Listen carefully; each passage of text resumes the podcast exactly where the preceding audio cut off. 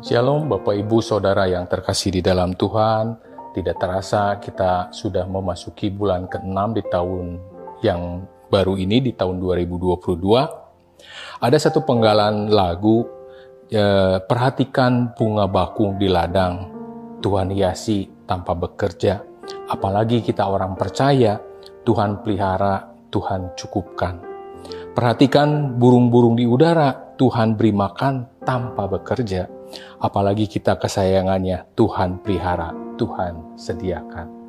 Penggalan lagu tersebut diambil dari Matius, ada di Lukas ada, dengan judul perikop hal tentang kekhawatiran. Banyak di dalam kita menghadapi kekhawatiran di akhir-akhir ini. Kalau kita sampai ada saat ini, bersyukur karena kita sudah bisa melewati COVID-19 yang berlalu di dua tahun yang lalu. Begitu keadaan yang menakutkan, yang menegangkan, yang tidak pernah kita bayangkan mengapa harus terjadi. Tetapi belum selesai COVID-19 ini kita lewati, belum bisa uh, beres semua.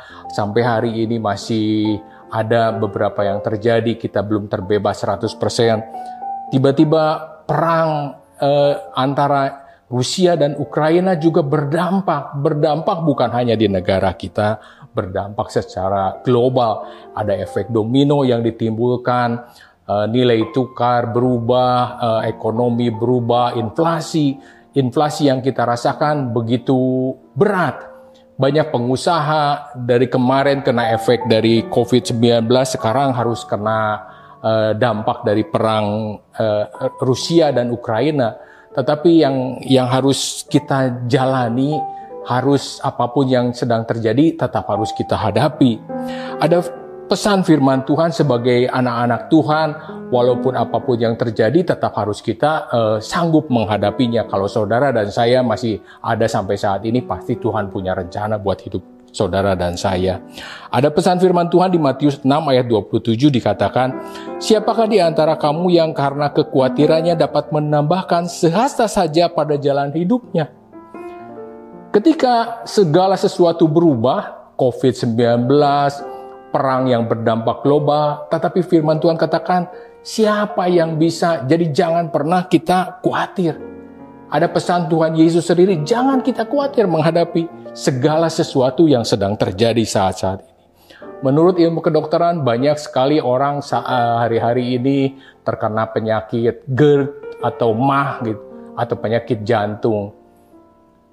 Timbulnya karena uh, asam lambung yang terlampau tinggi. Asam lambung bukan sesuatu yang racun, bukan sesuatu yang buruk, tetapi ketika diproduksi terlampau banyak, itu yang menimbulkan bahaya, itu yang menimbulkan tidak baik. Saya bacakan tentang fungsi asam lambung. Dalam lambung termasuk jenis asam, asam lambung termasuk jenis asam klorida. Mengutip dari sehat.com, fungsi asam lambung sebagai berikut, membantu memecah, membantu mencerna, dan menyerap nutrisi makanan membunuh bakteri dan virus berbahaya yang ada di dalam lambung. Fungsinya tidak buruk, fungsinya baik. Tetapi ketika diproduksi terlampau berlebihan, itu yang akan menjadi berdampak buruk. Lalu kenapa ini bisa terjadi? Kenapa bisa diproduksi terlampau banyak di asam lambung ini? Ada firman Tuhan juga pesannya seperti begini. Matius 6 ayat 34 berkata, Sebab itu janganlah kamu khawatir akan hari besok karena hari besok mempunyai kesusahannya sendiri. Kesusahan sehari cukuplah untuk sehari. Bapak Ibu Saudara yang terkasih dalam Tuhan, standar minum biasanya seseorang harus uh, menghabiskan 2 liter, 2 liter kurang lebih ya 8 8 cup lah per hari. Nah, kita harus habiskan 8 cup per hari. Andai kita harus bawa ini dari pagi Bapak Ibu kira-kira sanggup bawa 8 cup? Pasti sanggup. Kita pakai kantong plastik isi 8 cup. Jam berapa kita mak diminum, jam berapa kita minum, jam berapa kita minum sampai selesai mungkin ini habis dalam uh, semalam se sehari semalam itu akan habis mungkin bisa jadi kurang. Andai minuman cup ini adalah sebagai kesusahan, kira-kira Bapak Ibu mau nggak bawa kesusahan besok Jadi jatah hari ini kita minum, bawa besok. Atau seminggu ini kita bawa. Tentu tidak. Satu cup, satu satu bot, satu dus ini isinya eh, 40. Jadi kalau kita bawa dalam tujuh hari kesusahan kita ini sama dengan kita bawa 56 cup, satu dus lebih. Bayangkan kalau satu bulan kita menggendong 6 dus aqua atau minuman di dalam cup ini, tentu kita akan merasa berat. Tentu akan kita merasa susah, tentu akan kita merasa kelelahan atau kecapean segala sesuatu yang kita bawa ini. Kalau ini kesusahan, tentu kita tidak akan bawa. Jadi kesusahan sehari cukuplah untuk sehari. Jangan bawa kesusahan yang besok, lusa, minggu depan, bulan depan, tahun depan. Saudara tinggal mengalihkan berapa beban yang harus kita bawa. Seberapa berat yang harus kita bawa. Di Matius 6 ayat 34 di, di terjemahan yang lain eh, bagi saya sangat memberkati sekali.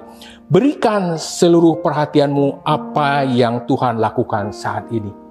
Jadi biar kita memperhatikan Tuhan saat ini dari kita pagi tadi saat kita bangun bisa menikmati kopi, bisa menikmati manisnya, pahitnya segala sesuatu. Biarlah kita berterima kasih Tuhan, terima kasih untuk setiap berkat kita bangun pagi juga berterima kasih. Dan jangan sibuk memikirkan apa yang mungkin atau tidak mungkin terjadi besok. Untuk besok pun kita jangan berpikir mungkin ini atau tidak mungkin ini. Biarlah kita tidak berpikir demikian. Tuhan akan membantumu menghadapi hal-hal sulit apa pun yang datang ketika saatnya tiba. Ada janji Tuhan.